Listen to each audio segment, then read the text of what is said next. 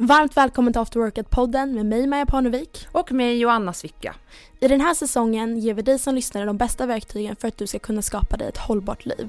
Tillsammans med intressanta gäster och experter kommer vi att i varje avsnitt djupdyka i ett ämne som vi anser vara en viktig pusselbit i helhetsbilden. I dagens avsnitt har vi bjudit in Caroline Pettersson som är kock, dietist och föreläsare. Hon har som många av er redan vet gästat två gånger tidigare och vi gillar verkligen Caroline och delar hennes syn på kost och hållbar hälsa. Därför var det en självklarhet för oss att bjuda in henne även på nytt i säsong 4. I detta avsnittet kommer vi fördjupa oss ytterligare i kosten. Vad krävs för att göra en hållbar förändring gällande kosten tillsammans med sömn, träning, återhämtning, relationer och personlig utveckling som kommer ta dig ytterligare ett steg framåt i din hållbara livsstil. Vi kommer diskutera olika profiler där kosten spelar stor roll men läggs upp på olika sätt samt reda ut hur man ska tänka gällande makron, fördelning mellan fett, kolhydrater och protein.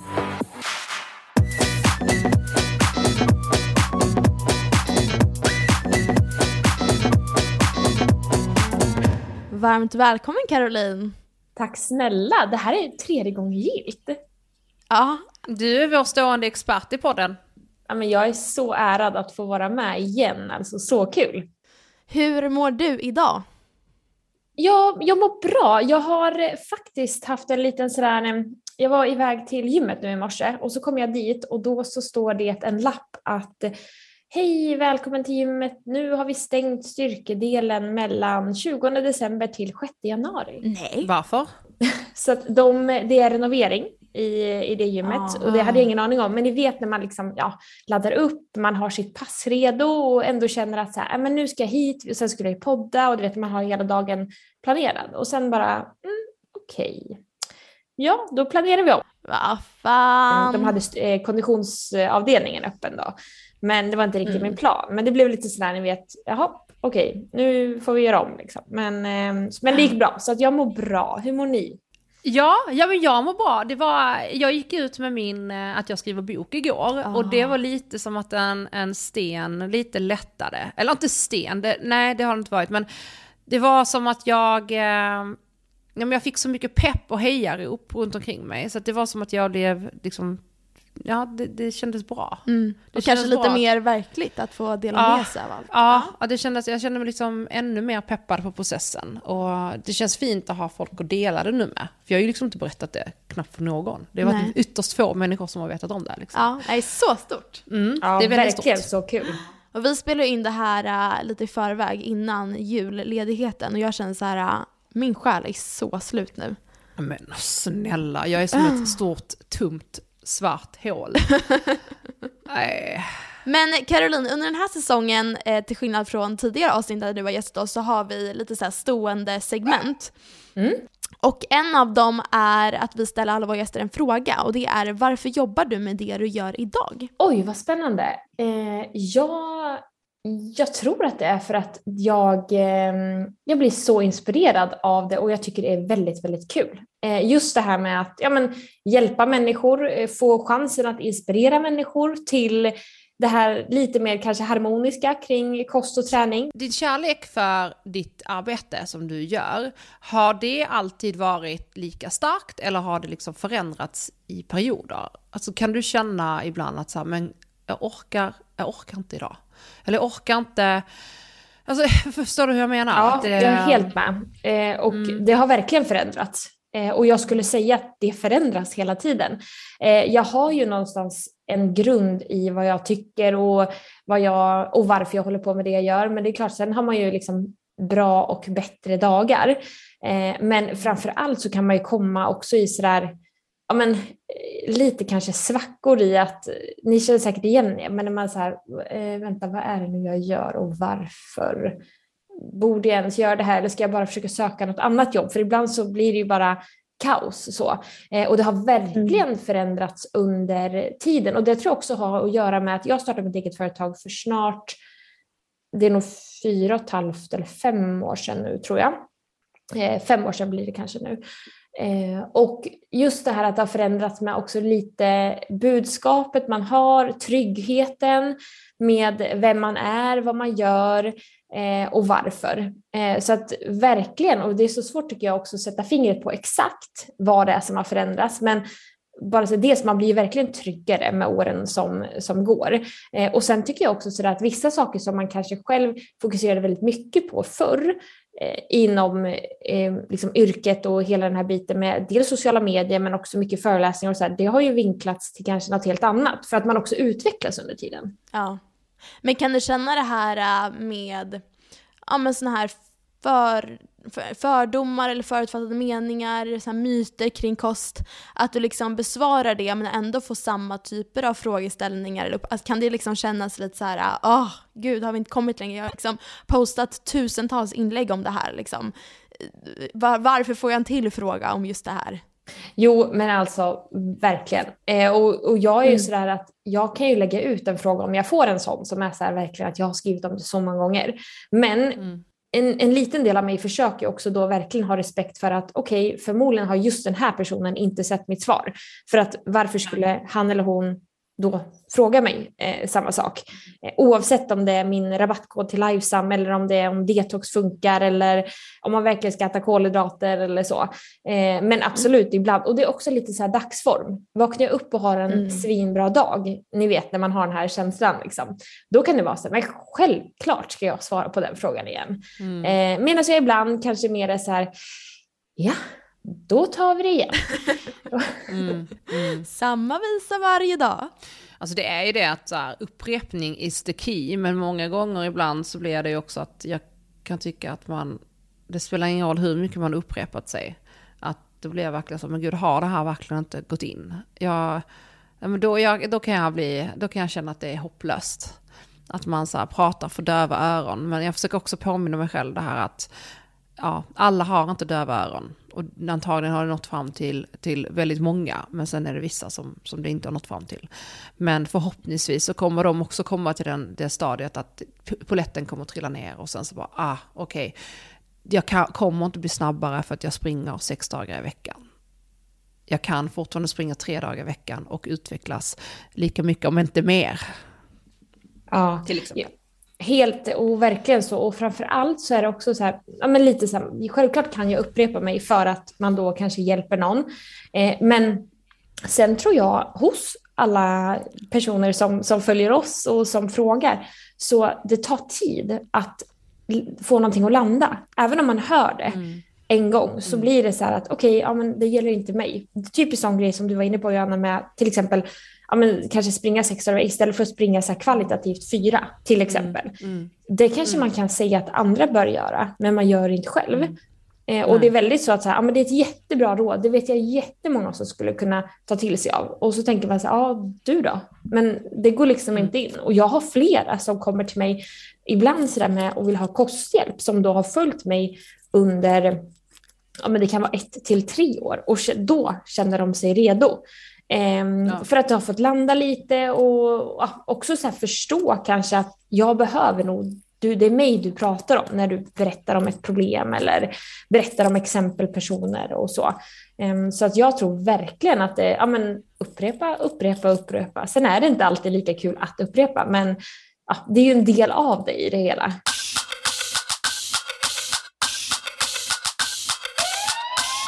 Eh, idag så tänkte vi prata om kost lite mer ur ett så livsstilsperspektiv.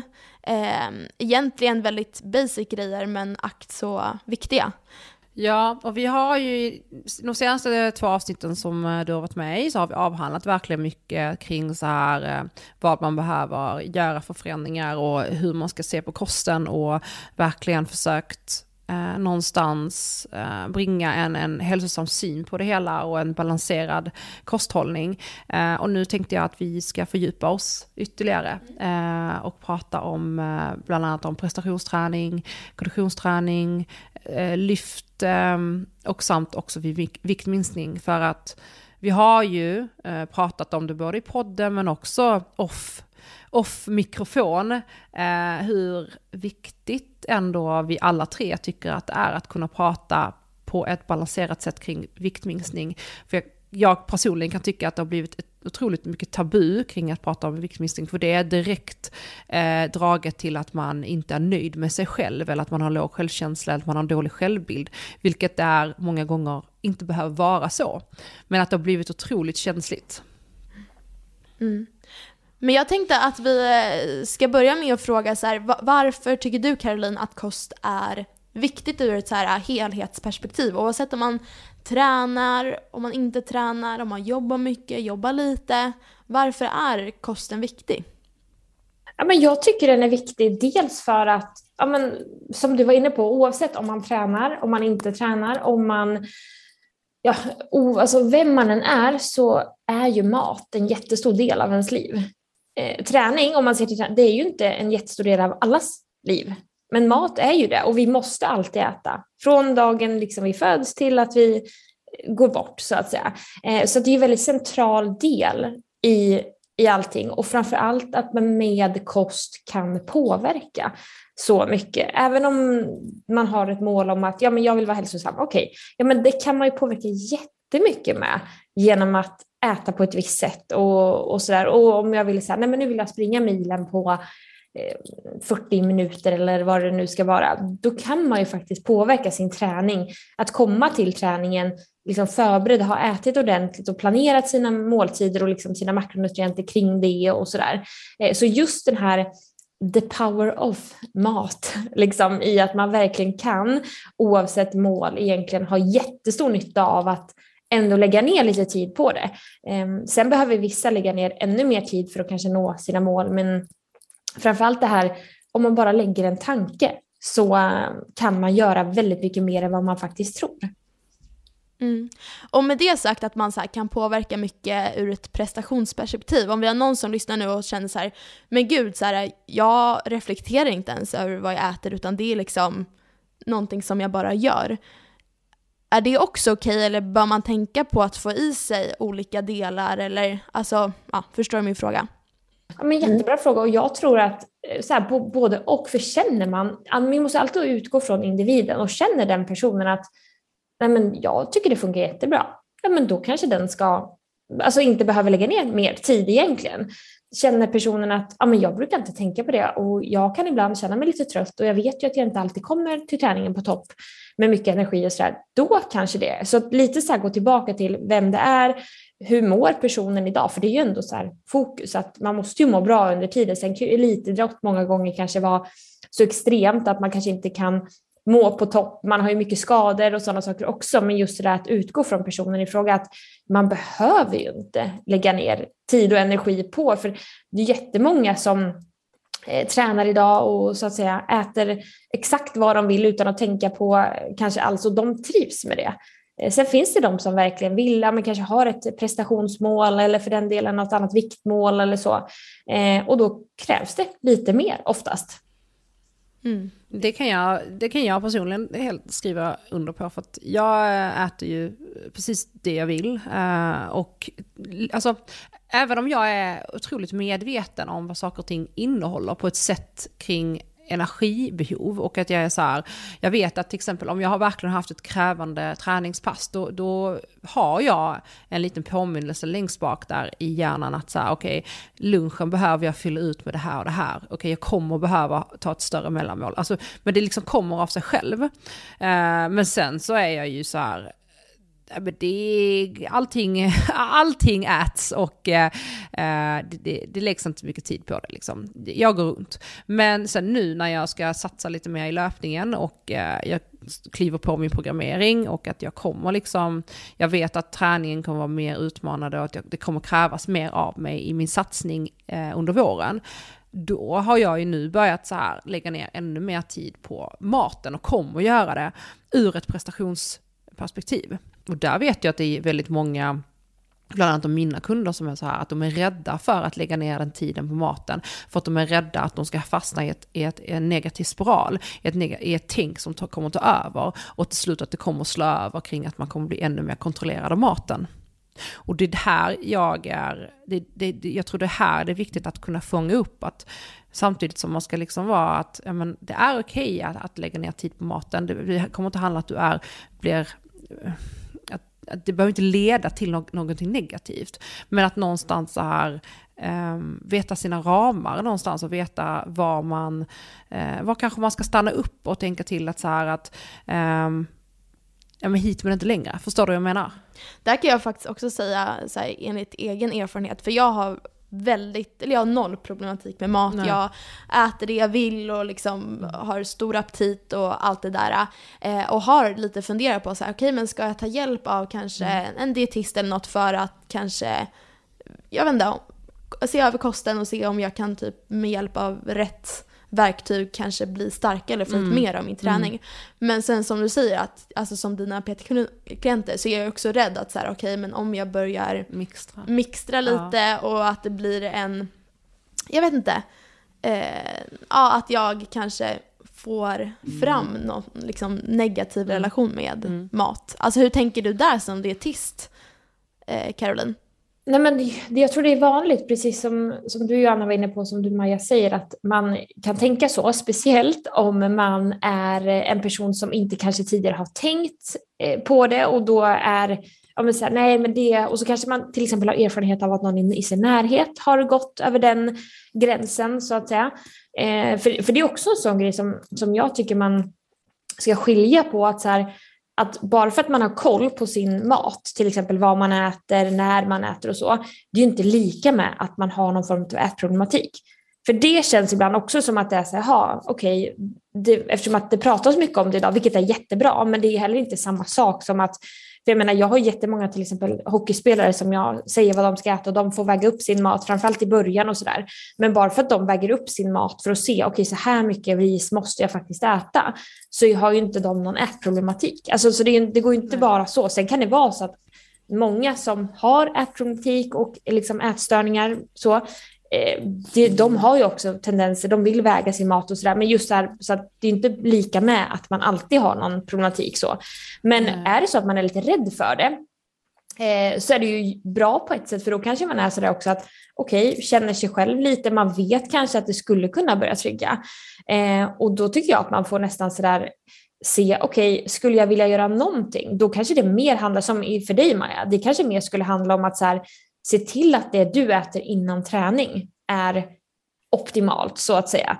Alltså att du lär dig kanske, okej okay, du har sju olika mellanmål som du vet är tillräckligt med kolhydrater, bra med protein och det ska du äta ungefär en, en och en halv timme innan träning. Och så vet du det. Och så kan du äta så att man börjar i det här lilla så.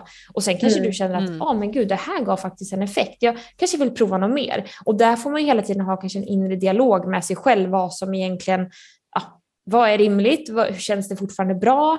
Eh, och är man så klok som du Maja och liksom vet om, som du sa där innan också, då, kanske man, då får man hålla den en tight liksom snöra i den. Man kanske inte kan, ja, men det är som ett koppel på en hund, man kanske inte kan släppa den här knappen för långt iväg utan du får hålla ganska tight så att man inte springer iväg för snabbt utan ha det och sen så gå där ett tag och se eh, och sen också vara vaksam och eventuellt då har man en partner, kompisar och så att tala om för dem att jag ska göra en satsning nu och det tanken är det här och så och då behöver man kanske också så meddela att skulle ni några tendenser, alltså så att man redan innan delar med sig om man är rädd för det så att mm, säga. Mm. Påminn mig då varför jag gör det här och liksom var på mig lite då. För att det finns jättemånga människor oftast runt en som kan hjälpa till så att säga och vakta lite på en.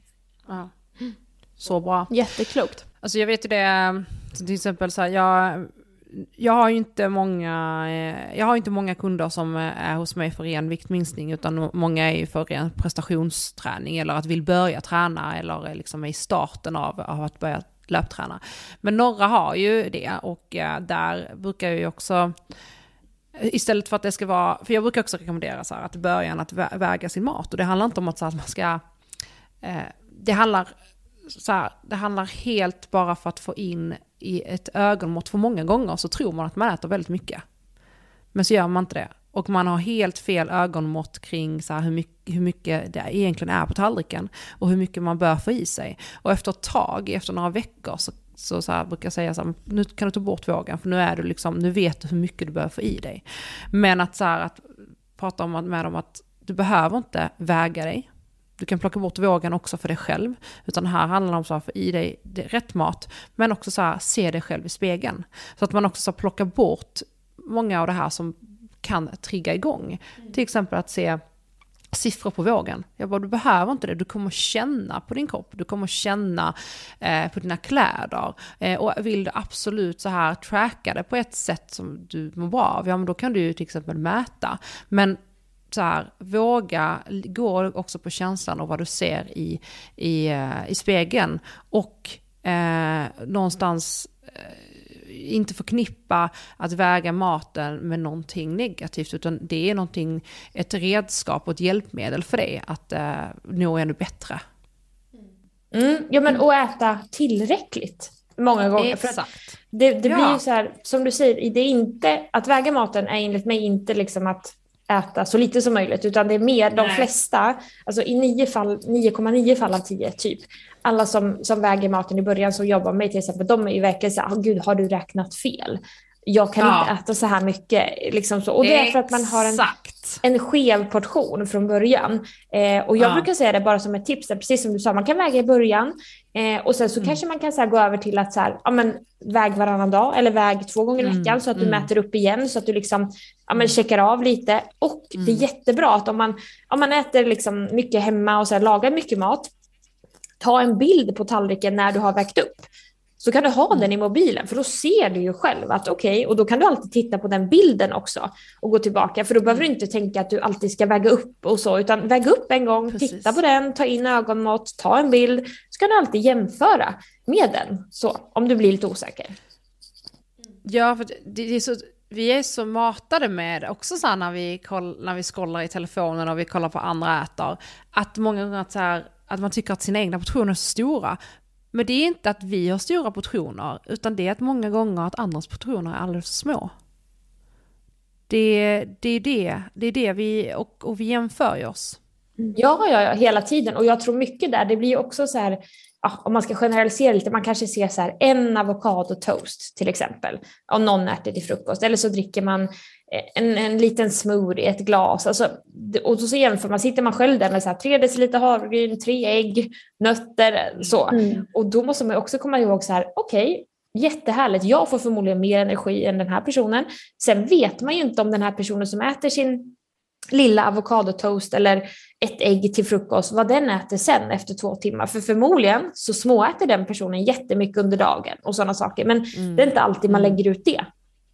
Nej. Jag älskade din post där med eh, hur portion eller energiintag kan fördelas över en dag. Alltså vissa har ju jättestora portioner tre gånger om dagen medan andra har lite mindre portioner åtta gånger om dagen.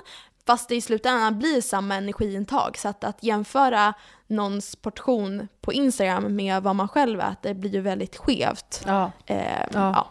Mm, 100 Ja, för procent. sluta, också så här, för i slutändan handlar det också om vad du får i dig under dagen. Och hur man egentligen fördelar det. Alltså kalorierna ska ändå in, du ska in, in energin. Eh, och många trivs väldigt bra av att äta eh, sex mål om dagen. Eh, och för många som då så ska ha hjälp att stabilisera sin kost och liksom någonstans få rätt på den. Då är det, kan det vara ett väldigt bra alternativ att äta många mindre mål om dagen för att få en, en struktur och balans på det. Och få i sig näring med jämna mellanrum. Eh, Medan så här, andra som kanske har kommit längre eh, i sin process och så här, nu börjar så här, tweaka lite och de kanske äter på ett helt annat sätt men de får i sig Alltså jag vill inte säga samma mängd för att vi äter inte samma mängd, ingen av alltså vi har ju olika kaloriintag men i, i slutändan när vi går och lägger oss så har vi fortfarande fått i oss det vi ska få i oss. Mm. Ja men verkligen, och det var ju det på den här bilden som du refererade till Maja, så var det också så att jag visade liksom att, men som du sa Johanna, att man, man kanske äter sex gånger om dagen, en person, och sen äter en annan person tre gånger om dagen och bo- båda ska äta exakt samma energi. Om jag då som äter tre gånger om dagen jämför min lunch med den här personen, då kommer ju garanterat min lunch vara extremt mycket större för att jag ska ju få in allting på tre måltider. Och då blir det det här, ja, då sitter jag och jämför men jag har ingen aning om vad den andra personen äter eller hur många gånger och så här. Så att, nej, man ska vara trygg i sig själv och liksom att tro på sin egen plan så.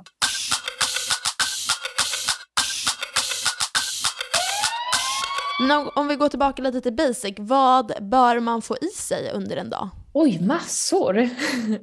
Nej, men, eh, givetvis lite så här, om jag tänker mängd är ju väldigt individuellt. Eh, men sen Mm. också så här, antal måltider också väldigt individuellt som vi var inne på. Eh, kolhydrater, fett och protein i varje måltid. Det, jag brukar tjata om att så här, bli inte den som bara äter typ ett äpple till mellanmål och speciellt inte om man har problem med sötsug och sådana saker för att det triggar igång sötsug oftast ännu mer. Så se till att man till det där äpplet har kanske då ett kokt ägg och en näve nötter till exempel. Ehm, men så att man ser till den här fördelningen och tycker man att det är svårt med okej okay, vad är kolhydrater, vad är protein och sådana saker. Eh, ja, då är ju antingen då om man tar hjälp eller som läs på lite grann så här okej okay, det, här, det här finns i det, bröd okej okay, då har jag en kolhydratkälla där och så tar jag kanske skinkbit eller kalkon, då får jag lite protein och, och sådär saker. Um, så att totalt sett över en dag kolhydrater, fett och protein tycker jag är jättebra. Eh, frukt och grönt också fantastiskt. Um, så att, och sen att man fördelar det utefter som man verkligen tycker är härligt. För att jag själv är en person som det passar inte riktigt mig att äta sex gånger på en dag för att jag har svårt att hinna det. Alltså jag, det går inte och jag är inte så hungrig på morgonen så jag äter gärna till exempel mitt första mål allt ifrån 10 till klockan 2. Men jag, det är inte så att jag utåt säger att nu jag kör periodiskt fasta, för det gör jag ju inte, för jag äter ju när min hunger faller in. Liksom. Eh, så att väldigt individuellt. Så att där är det så att man och våga prova. Det vill jag säga också för att man kanske provar att äta sex gånger om dagen så tycker man att det här blir bara stressigt. Jag vet, jag har jättemånga som kommer till mig och ber om hjälp och sen så säger de, för jag brukar alltid fråga vad har du för önskemål? Och då kan det vara så att äh, men jag vill äta en till två mellanmål per dag. Okej, okay. och vissa är så här, jag vill absolut, jag kan tänka mig max ett mellanmål för att jag tycker det är stressigt att hinna. Så alla har ju olika preferenser på vad de tycker är ja. optimalt. Ja. Ja. Verkligen, och där, det, kommer man ju, det kommer man ju fram till. Och det kommer man ju fram tillsammans med sin eh, kund. Eh, alltså jag, har vet ju också så här, jättemånga som säger jag har väldigt svårt att hinna få i mig mellanmålet eller så här. Um, och där har jag varit, varit väldigt så här, men om du inte hinner mellanmålet på morgonen, uh, ät då en lite större frukost, ät sen lunchen och sen till exempel lägg in mellanmålet som ett kvällsmål istället. Um, Alltså det, det är liksom fördela ut över dagen eller fyll på ett av de andra målen. Men så här, det behöver ju inte, det ska inte bli tvärtom att man ska tvinga i sig bara för att, för att äta heller. Utan gör det som funkar bäst. Men tänk att tillföra istället för att, att, att, att ta bort. Eh, Men om man tänker energinivå, skulle du säga att den blir mer jämn om man äter till exempel sex mål om dagen kontra tre? Alltså får man mer dippar om man äter tre till exempel? Ja, men jag skulle säga att det är lite vanesak. För en person som äter sex gånger om dagen, om den skulle gå över på att äta tre, då skulle den säkert, för vi är ju vanemänniskor, så att när kroppen liksom, ja, det finns en anledning till att det börjar kurra lite kanske i magen där runt 11 om man nu brukar äta lunch vid halv 12 så. Det brukar komma 20-30 minuter innan. Um, så att, och det tror jag också, många mår bra av att ätas fem, sex, just var tredje timme. För att ja, men de håller en, en bra nivå, de blir aldrig det här, liksom, det går aldrig över i det här vrålhungriga. Alltså det finns ju sådana skalor liksom i så att nummer ett, då vill man liksom äta upp hela världen och nummer tio, då är man liksom proppmätt. Eh, och jag brukar säga så här, men hamna aldrig kanske på två eller ett, utan hamna på tre. Att liksom hungern börjar, man känner verkligen att man är hungrig. Men hamna mm. också kanske då på ja, men åtta mätta, säger vi. Alltså man känner så här, nu är jag mätt, men det gör inte ont i magen, den spänns inte ut och den är inte så där, alltså att man har inte överätit så att säga för att man var nere på ettan. För att är man på ettan så går man lätt till tio eh, direkt kanske om man är det här liksom vrålhungrig. Eh, så att jag tror generellt att många känner att ja, de har en jämnare jämnare energi om de äter lite oftare. Eh, sen kanske det för någon också är att ja, men jag äter faktiskt så här, första målet vid Alltså, som jag då, för att ta mig själv som exempel, så jag kanske äter fyra gånger om dagen, ibland fem, men fyra. Eh, och jag håller en jättebra energinivå på det, för jag äter ju så här, men kanske var fjärde timme då istället. Så för många kan det också kanske översättas i att det ska alltså att vara regelbundet i alla fall. Sen när regelbundet är för en själv. Eh, men annars mm. tror jag, alltså majoriteten i alla fall vad jag har lokaliserat på många som skriver frågor och så till mig, det är ju att låter man det gå för lång tid, det är då man liksom hamnar i överäta, stressäta eh, och så blir det kanske att man vill kompensera dagen efter. Ja, ni vet det här, man kommer in i ett hjul av liksom en dålig, dålig vana helt enkelt. Ja, jag var nere på ettan igår kväll. Då kom Robert hem för att han kom hem vid åtta och jag hade inte hunnit handla och det var bara så här kaos i planeringen så att vi fick inte till middagen i tid. Men så hade han handlat och så kom han hem och jag bara okej okay, men nu, nu har vi teamwork för båda är vrålhungriga, nu kör vi. Och han bara, kan inte jag bara få göra en smoothie? Och jag bara kollar på honom och så jag bara börjar störtgrida. Jag bara, nej jag är också hungrig! han bara, okej, okej, okej. Varför skulle han göra en smoothie? Ja, för han ville liksom dämpa sin hunger lite snabbt. Aha. Och jag bara, då tar det ännu längre tid innan jag får min mat. Oh. Så jag rekommenderar inte att vara på ettan, det ska jag inte göra om igen. Nej men alltså på ettan blir man också farlig för allmänheten skulle jag vilja säga. Ja. jag fick skriva till Robert innan, jag bara, bara så du vet innan du kommer hem så är jag liksom nära på att gråta. Så att han bara okej, okay, okej. Okay. Alltså Laban, uh. han är en obehaglig människa när han är på ettan. Det är så? Ja, nej men alltså han, han höjer aldrig rösten, han snappar aldrig, alltså han är ju väldigt snäll och fin. Men på ettan, alltså det är så att jag bara, uff, feisty! Jag bara, vem är bitchen? Vem är det som har käkat upp dig i små, små bitar? Alltså det är, det, det kommer sådana one-liners. Man är typ, man typ tassar på tå. Ja, så att... Uh... Ja, ettan är ingen härlig nivå, det kan vi i alla fall konstatera. Mm. Mm. Men då tänker jag, om vi ska liksom, om vi börjar med den här ena då profilen, eh, och då är det ju att man, eh, man tränar. Man är, eh, alltså man eh, man är relativt, alltså man, man vill komma igång. Man har tränat, man vill komma igång, men man känner så här, men jag behöver, för mitt välmåendes skull, jag behöver droppa lite i vikt. Men jag vill göra det på ett sätt som är hållbart, som jag mår bra av, som jag ändå kan fungera eh, alltså på, under resten av, av eh, dagen på. Eh, hur ska man tänka? Hur ska man börja och hur ska man gå tillväga? Mm. Ja, men, och det känns ju som att det här kommer vara väldigt aktuellt nu här om några veckor. Eh, eftersom Exakt. att vi kommer att kliva in i januari. Och jag skulle vilja, innan du svarar, lägga till att så här, hur man liksom kan ligga på ett energiunderskott men samtidigt eh, försöka undvika att det här, eh, ja men dippa i humöret och den här eh, jag tycker det är viktigt att prata om, för att vi, vi, vi kommer ju översköljas eh, i januari av eh, löpsedlar hur man går ner i vikt. Eh, redan nu ser jag hur så otroligt många PTs runt omkring mig pumpar ut eh, liksom nytt år, nytt liv, nya kilon. Mm.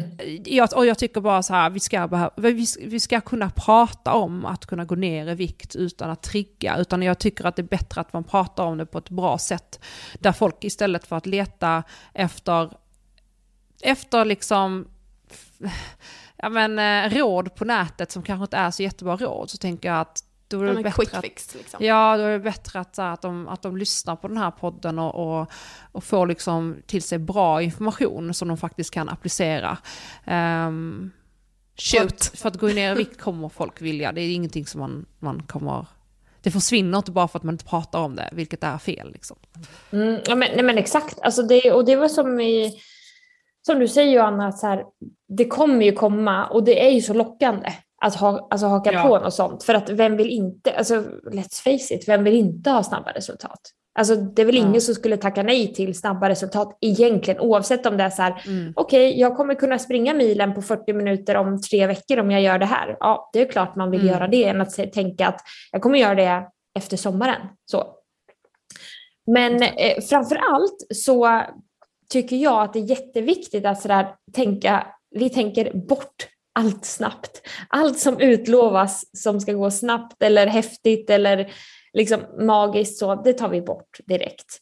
Eh, och sen bara så här bryter ner det till att så okay, jag är en person och jag vill förändra. Som du sa Johanna, man vill komma igång lite grann och sådär. Man kanske har kommit, man leker med tanken att man har kommit igång med träningen redan och känner att nej, men nu är kosten eh, nummer två här, så jag vill ändå komma igång mm. med den. Eh, då hade jag sagt att det är jättebra att sätta sig ner, mitt bästa ord är ju liksom medveten, men att så här, ja. sätta sig ner ett tag och bara här, tänka igenom, eventuellt skriva ner vad man har för vanor idag. Alltså typ jag äter när jag lagar mat, att man äter upp halva måltiden innan man har lagat den till exempel, innan man sätter sig för att äta. Eh, äter godis typ var och varannan dag. Det är jättevanligt även om man kanske bara tar en godis eller så, men att man plockar någonting. Eh, kommer hem kanske vrålhungrig efter jobbet, alltså så. Så att man tittar lite på, ändå så här, kartlägger lite, okej okay, vad har vi idag? Så. Eh, och sen verkligen också föreställer sig kanske leka med den tanken, så här, vart kan jag vara om ett halvår, men också om ett år. För om man tänker tillbaka idag på vart man var för ett år sedan, så tror jag att jättemånga tänker så här att ja, jag känner exakt samma som jag gjorde då, eller att det kanske blivit sämre eller bättre så. Men lek med tanken att man inte känner att man har förändrat någonting. Tänk vad då man skulle kunna gjort på det här året och hur snabbt det faktiskt går med ett år. Um, och sen när man har gjort de här vanorna, liksom skrivit ner lite så här, fundera på okej, okay, hur, hur vill jag ha det? Vad är liksom ett drömscenario? Är det att komma hem och känna att men gud, jag hade ju med mig mitt mellanmål på jobbet så att jag kan lugnt och metodiskt gå ut på en promenad och sen kan jag laga middag i lugn och ro. Hur ska jag liksom komma dit? Så att man nästan så här, nuläget, vart har vi önskat läge? Men också ta med det här med hinder och sina liksom resurser. Vad, vad har man för hinder? För att är det hinder att så här, ja, men ha grejer hemma, jag, jag tycker så här att man ska jobba till sig att på sikt kunna ha grejer hemma utan att gå och nalla i det givetvis. Men det är en väldigt lång process och då kanske det mer handlar om i början att hur ger jag mig själv bra förutsättningar? Det kanske är att inte ha en massa saker hemma som man faktiskt brukar gå att nalla av. Ehm, för att då har man ju i ett steg gett sig själv en bra förutsättning att inte äta det. Eh, och sen också liksom mina favoritord, och det, de var ju, sa ju du precis Johanna också, så att jobba med att Alltså hur kan vi liksom, vad kan vi mer, vad göra mer av istället för att tänka vad ska vi ta bort? Alltså addera istället för exkludera. Eh, till exempel, okej, okay, jag småäter mycket och så här, okej, okay, men vi kanske behöver lägga, mer, lägga till mer liksom grönsaker och frukt på tallriken så för att slippa det här. Eller till exempel om jag äter godis varje dag idag, ja, varannan dag, halvering, alltså börja i de här små delarna för att sakta ta dig framåt. Ja, också där med den adderingen är att, att om man till exempel alltid tränar på morgonen, att man adderar in lite tid efter så att man hinner få i sig frukosten. För oftast är det så här att man, man springer upp och så springer man till träningen, tränar, sen ska man till jobbet och däremellan så hinner man inte få i sig frukosten, så blir det någonting i farten och sen så trycker man i sig något mellanmål som man inte egentligen ska ha i sig och sen så blir det bara en negativ spiral resten av dagen för att man började stressat och man inte har fått i sig någon mat från början. Eller om man till exempel tränar på kvällen, att man så här lägger in tid så att man faktiskt får i sig innan och efter. Ehm, och ser över sina vanor i hur man planerar dagen också. Mm. För annars blir det ju som, alltså, som vi alla sagt, att om man inte får i sig tillräckligt på eh, under dagen så blir kroppen i så här panikläge sen på kvällen och är sugen på de här eh, snabba kolhydraterna bara för att få någon slags energi. Eh, och då blir det ju att man hetsäter. Ja, och verkligen. Och framför allt någonting som man ska ta med sig i att om man känner igen sig lite i det här att man som du sa, man kanske inte äter tillräckligt från start och så tror man att nej, men jag håller igen lite och så här. Alltså vi kommer aldrig kunna överlista kroppen på det sättet, utan den kommer att skrika tills den liksom får och då är det väldigt svårt att hejda sig själv. Så att den här tanken om att äh, jag äter kanske inte eh, så mycket till frukost och sen så, så här, för att jag ska göra det här och att man säger men man tror att det är en bra väg. Det är jättesällan en bra väg för att det kommer bara öka aptiten ännu mer och mat kommer smaka ännu godare ju, ju, liksom, ju längre du går nästan utan mat eh, och ju mer du liksom drar in. Och framförallt så här förbud. Ja, absolut. Tycker man att så här, men jag kan inte äta det här för att jag äter jättemycket av det. Ja, det är också så här på sikt tycker jag att ja, men lär dig hantera det. Men också så här, var lite mer tillåtande. Alltså en bulle passar jättebra på en tisdag likväl som den passar på en lördag. Men se saker lite mer i så här, ja men kanske lite mer veckobudget också. Att ja, men ibland kanske man inte ens heller, för styr man, är man väldigt styrd, vilket jag märker att många är idag, att så där, helgen är kopplat till mys. Det är kopplat till ja godis. Unna sig. Exakt så. Då blir det ju också så här, då kanske man inte, då är man lite blockad för att lyssna inåt vad är det jag egentligen är sugen på idag? Det kanske är lördag och jag är jättesugen på att eh, liksom, träna och äta mina mål som jag brukar och sådär. Och sen på när kvällen kommer då kanske inte jag är sugen på vad jag brukar vara sugen på. Men om man hela tiden tänker det är lördag, jag måste äta för att det är lördag.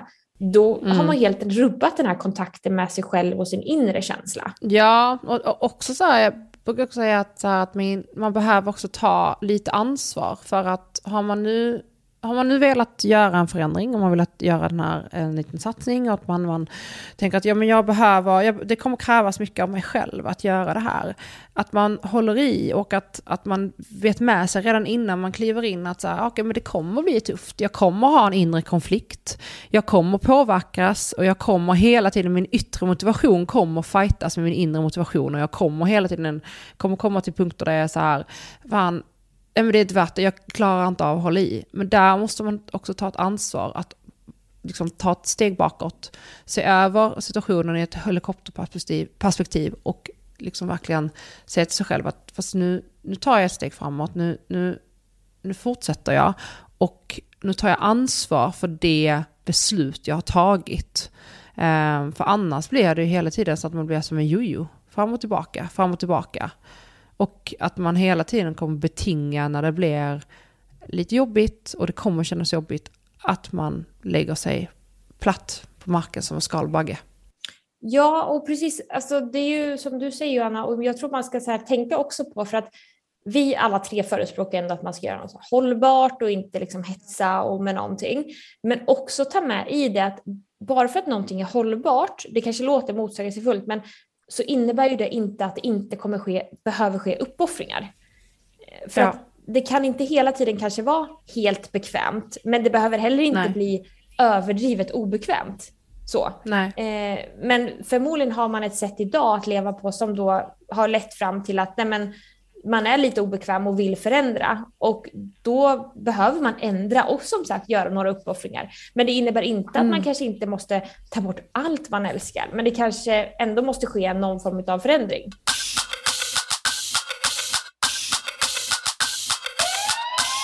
Person nummer två.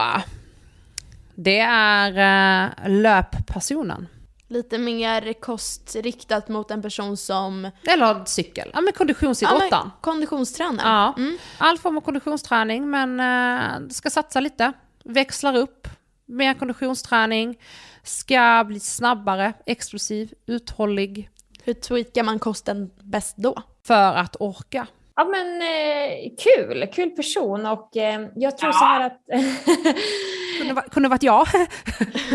jag var på en jätteintressant föreläsning för några veckor sedan med eh, Mårtens, ni vet eh, sportgällen. Ja. Men, och då fick jag eh, jättemånga det var lite så här olika diagram och sådär, men varför jag ville komma in på det var för att man ser att det är liksom väldigt många även i elitidrott i liksom kondition och jag tror att det var, nu vet jag inte om det var i skidlandslaget de hade kikat på, eller ja så. För att där såg man ju just det här med att även på den nivån så äter folk för lite kolhydrater. Det var det jag ville ah. komma till.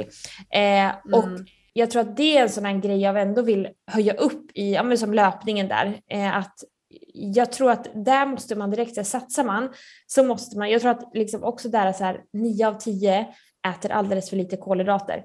Eh, inte bara omkring träningen men runt om också. Eh, eftersom att det är bränslet vi kommer att använda i liksom mycket, ja men framförallt mycket högintensivt och sådär. Sen givetvis fett i liksom långsiktigt också men framförallt det här att våga äta kolhydrater och kanske också våga börja använda sig av, lite beroende på vad man har för eh, hur man, vad det är för distans och så, men just så här gel eller sportdryck, alltså, eller sådana tabletter man kan äta under löpningen för att det är väldigt kul när man ändå går in och att det är prestation. För att det är ju trots allt lite annat än just det här som vi pratar om med, med viktnedgång. För viktnedgång, då kanske det är bra med liksom, ja men som jag nämnde, mycket frukt och grönt och att man kanske äter lite mer fullkorn och, och sådana saker och mycket mat av volym till exempel. Medan det då i prestation för att liksom maxa och utnyttja energin, där kan det ju vara liksom vitt bröd. In med vitt bröd innan träningen eller så, eller torkad frukt och mycket sånt liksom energi på liten yta. Ja, och där, jag brukar också så här, jag brukar också tänka så här att, eh, alltså att den, den uppoffringen man får göra där, det är helt enkelt att man får helt enkelt offra sina negativa och stressade tankar kring kolhydrater, lägga dem åt sidan för att man kommer behöva kolhydrater. Så då får man bara stänga det, det rummet där de här tankarna kring, kring kolhydrater och rädslan för kolhydrater finns och öppnar eh, dörren till det rummet där, där prestationen och att man gör någonting för att tillföra att kroppen faktiskt kan prestera ännu mer. Um, det är så jag liksom brukar tänka och pr prata med mina kunder om och även med andra som befinner sig i den här konditionsbubblan och prestationsbubblan. Att, så här, att vi får helt enkelt bara stänga dörrar och öppna andra dörrar för att eh, det går liksom inte att förvänta sig resultat samtidigt som man går och håller igen för att man har blivit lärd någonting utifrån att, att eh, alltså pasta eller, eller potatis eller ris i större mängder är farligt för en. Ja men precis och som du säger just när det är prestation då måste man, det handlar ju lite om de här stänga dörren, öppna dörren för något annat för att då är ja. prestationen i fokus. Det handlar inte ja. och det är det som också blir en jättestor skillnad som jag brukar också tala om. Så här, det finns ju vissa, vissa råd idag eh, som finns för att liksom förebygga kostrelaterad ohälsa i samhället eftersom att det finns jättemycket ohälsa kring mat. Eh, och då syftar jag mer på liksom att det finns väldigt mycket övervikt och man ser det bland barn och sådana saker. Men att det är en väldigt stor skillnad på de råden om man då är till exempel en elitidrottare och ska fokus på prestation. De går liksom inte riktigt hand i hand. Man kan inte ta till sig av att jaha, vi ska äta mer fullkorn, ja men då ska jag äta bara fullkorn nu eller ja, massa sådana saker, utan det handlar ju mer om att man verkligen måste kanske se till så att man ja, men får i sig tillräckligt med energi. Och om man behöver liksom, tränar man så pass mycket som man faktiskt gör då och liksom fokuserar på just prestationen, då handlar det om att tillgodose liksom energibehovet och maxa inför träningen. Eh, och ja, mm. Så att bara liksom flagga för det och framförallt ibland också, vi var inne på det tidigare, men skulle man haft någon ätproblematik eller så, då kanske inte de råden heller är för en själv. Eh, så det är någonting som jag tycker man måste skilja på, verkligen så här, vilka råd är för mig och vad jag nu med i prestationen. Då ska inte jag, det ska jag aldrig lyssna på egentligen, men någon kanske människa som står och, och viftar med olika råd som inte alls har någon evidens. Utan där måste man ju säga, okej okay, vad är bäst för min prestation? Mm. Men om vi ska spinna vidare lite på prestation men ta en annan riktning eh, för person nummer tre. Eh, om vi återgår, återigen går in på träningen eh, så har vi en person som vill bli starkare. Hur skiljer sig det ifrån någon som eh, ja, men vill bli mer explosiv och snabbare i konditionsdelen? Mm. Jag skulle säga kanske inte jätte jättemycket i så här att, ja, men jag tycker också så här, återigen fokus på kolhydrater, även fokus på protein och det är det ju även när alltså konditionsidrott. För ibland kan det bli så att man inte alls pratar protein i konditionsidrott men man behöver ju fortfarande protein, eh, dels för mättnad i måltiden men också för muskel och proteinsyntes och sådana saker.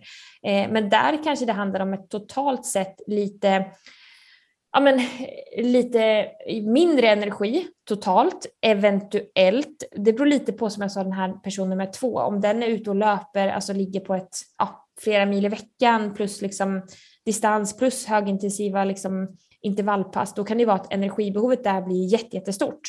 Eh, jämfört med om en person vill bli starkare, lek med tanken att den eventuellt sitter mycket still på dagarna men har sitt gympass eller sådär, då kanske energin totalt sett kommer vara mindre för den personen. Men också se till att man, ja men jag vill bli starkare, se till att man hamnar på ett proteinintag liksom uppemot kanske 2 gram per kilo kroppsvikt exempelvis. Ehm, och att man också fyller på med liksom bra fetter men också kolhydrater för att jättemånga snör ju nästan in på att det bara ska vara protein för att protein bygger muskler men har vi inga kolhydrater så har vi liksom inget muskelglykogen, då kan vi inte ta i. Ehm, så att vi mm. måste ju ha kolhydrater för att orka ta i för att muskeln ska kunna bli större till exempel. Mm. Ja men verkligen. Eh, jag skulle också nästan vilja lägga till en fjärde person, någon som vi säger har ett kontorsjobb, inte tänkt så mycket kring kost och reflekterar så här, men nu har eh, börjat träna. Hur bör den tänka? Ska den lägga till något mål eller fortsätta äta utan, att, utan eftertanke? Eller hur, hur tänker man där? Ja, men också, och den personen finns det nog jättemånga av tror jag. Eh, och där hade jag sagt, om vi jämför då med en person som där fokus är prestation, där behöver den personen lägga mer tid på det här med optimering. Alltså när ska personen äta? Eh, hur mycket och sådär. Och återhämtningsmål och sådana saker. Eh, också jämfört med person kanske nummer ett, där som vi sa viktnedgång, då kommer inte optimeringen kanske vara det absolut viktigaste utan där är det mer liksom totala energiintaget för det ska hamna på minus om man behöver gå ner i vikt. Eh, och om vi då är på den här personen nummer fyra nu då som har börjat träna och sådär, då hade jag sagt att där kanske man inte, givetvis beroende på vad man äter idag, men där kanske man inte heller behöver lägga den största vikten på att okej, okay, jag måste ha ett, tränings, ett träningsmål och ett återhämtningsmål för min träning som jag gör säg att man tränar två gånger i veckan då, eh, eller tre kanske för den delen. Eh, utan där blir det mm. också det här totala energin på dagen eh, och se till att man ändå kanske har energi nog att genomföra ett pass. Men där är det kanske inte heller fokus på, för den personen kanske det är mer att genomföra passet, uppnå de här två, tre gånger i veckorna och då är det också så här, då zoomar vi ut igen och se lite mer så totalen eh, och kanske kartlägga lite vanor och se okej okay, vad, vad kan jag göra liksom. Eh, för där kanske det inte är det viktigaste att den personen har fått sina kolhydrater och protein exakt den här tiden innan träningen utan ja, den åt någon halvtimme innan och det var bättre än ingenting i princip så. Ehm, så lite beror, alltså ju mer specifikt mål man har eh, desto mer specifik behöver man ju oftast vara i kost, träning och vila. Eh, och ju mindre specifikt, ja, då kanske det inte är liksom att man måste snöa in, utan då kan det mer kännas som ett jättestort projekt och då kanske det inte blir av. Eh, så. Eh, men jag tänker så här, om vi ska ta en eh, sista så här, casefråga eh, för idag. Vad skulle du vilja ge till tips, eller för tips till någon person som ofta känner sig trött om dagarna? Det kanske är svårt att bara säga så här allmänt, men det känns som att det är ett allmänt problem att folk känner sig trötta, inte har tillräckligt med energi. Ja, och också så här, ja det är ju också dels på grund av mörkret och beroende på var man bor i Sverige så påverkas man ju annorlunda. Vi behöver ju liksom dagsljus. Men vad kan vi då göra med hjälp av kosten? Ja men eh, väldigt vanligt. Jag var faktiskt och föreläste nu i helgen och hade en workshop tillsammans med eh, Patricia Strenius som tävlar i tyngdlyftning. Ja. Och eh, då pratade vi om det här, för då kom den frågan. Eh, och jag hade då med mig en sån triangel lite så här, ja men i botten så har vi liksom sömn, livsstil, mindset och sen kommer det eh, energi och sen kommer det liksom eh, makros och sen kommer det vitaminer och optimering och sådana saker. För då var det en som precis så här, ja men jag är jättetrött och, och sådär. Eh, och i det fallet, då var det väldigt mycket att den personen, för då frågade jag så här, ah, okej okay, hur det ser ut och eh, hur sömnen var och sådär och det visade sig att den hade varit ganska lidande på senaste veckorna och mycket, mycket stress kring jobb. Eh, och då sa jag det att ja okej okay, för att vi, man kan ju optimera med kosten eh, men det är också bra att veta om att sover du skit så kommer du förmodligen oavsett hur trött du är eller hur bra du än äter, då kommer du förmodligen fortsätta vara trött. Men mm. det man kan göra skulle jag säga, även om så här för att det lilla man då kan göra med kosten, planera igen, eh, se till att du får i dig dina måltider, slarva inte då med frukosten utan gå upp och ät en rejäl frukost, kolhydrater, fett och protein. Eh, ta med dig de här mellanmålen, lite som vi har varit inne på, att så här, ät regelbundet, se till att den lilla Eh, liksom det du kan påverka med kosten, att du faktiskt får tillräckligt med energi. Ät inte för lite, slarva inte med liksom att nej men jag glömde mellanmålet och sen tog jag bara en, ett ägg till lunch och sen ja, så åt jag, drack jag lite kaffe och så tog jag en Dumlekola på kontoret. Ja, då kommer energin att tryta. Eh, men om du då istället planerar, vilket är ibland lite jobbigt och eh, svårt för många, men att du ser till att du planerar och faktiskt också ta med dig allting. Alltså handla hem, förbered, liksom underlätta den delen. För det är inte alltid man kan kanske se till att lösa sin sömn eller så har man en eh, ettåring hemma som väcker en på, på nätterna och sådär. Eh, men också, mm. jag, jag, brukar alltid säga att D-vitamin, eh, jättebra under de månader som har R i sig, alltså september till maj, april. Oh, det har inte jag ens tänkt på. R-månaderna. R-månaderna ja. Oj, oj, oj. Ja. Mm. Eftersom att det är så mörkt här. Så. Eh, och sen så i varje avsnitt så brukar vi avsluta med att vår gäst då under säsong fyra får utmana våra lyssnare med någonting. Eh, så att vi lämnar den öppen för dig. Är det någonting som du skulle vilja, så här kostrelaterat, som du skulle vilja utmana våra lyssnare den här veckan? Ja men jo, jag har en utmaning. Eh, det skulle vara att ta några minuter, lite svår utmaning kanske, men eh, om man har känt igen sig i lite det vi har pratat om nu, att bara så här, tänka lite inåt. Ta fem minuter och tänk inåt. Hur mår jag? Hur äter jag? Är jag liksom i ett bra mönster? För att många är inte i ett bra mönster, men man ser inte att man själv är orsaken till det. Så att fem minuter, ta det bara inåt, fundera eh, och hur det ser ut och bara så här, nej men det, är- det är gött, jag, jag håller min linje. Eller så kanske det är så att varje gång att jag får liksom mycket skuldkänslor eller vad det nu kan vara för att man har hamnat i en dålig spiral har det att göra med att jag har gjort dåliga val från början. Satt mig i en dålig sits liksom. Jag har inte gett mig själv bra förutsättningar. Så att fem minuter. Riktigt bra tips. Bra, Ja, bra utmaning. det ska jag är göra. jättebra. Alltid lika roligt att ha dig med. Ehm, och eh, nu är det ju, vi spelar in det här för hand, men god jul. Det har ju redan varit jul när vi har det här avsnittet. Men jag hoppas att du får en riktigt härlig jul. Vad ska du göra för någonting? Nej, men vi åker hem faktiskt imorgon idag eh, så att vi kommer hem där på kvällen imorgon till min mamma och pappa. Så firar vi där i några dagar och sen så åker vi tillbaka och firar med eh, eh, Kevins familj. Så, så det blir lite intensivt eh, firande i typ fyra dagar. Härligt. En jul som aldrig tar slut. Ja. Jul utan slut. Men tusen, tusen tack. Eh, och ja, ni som fortfarande inte har hittat till Carolines Instagram, hitta dit för att alltså, den är så bra, klockren och innehållsrik, informativ, spot on. Vi gillar den och vi gillar dig. Ja. Puss och kram, tack snälla! Puss och kram! Hej då!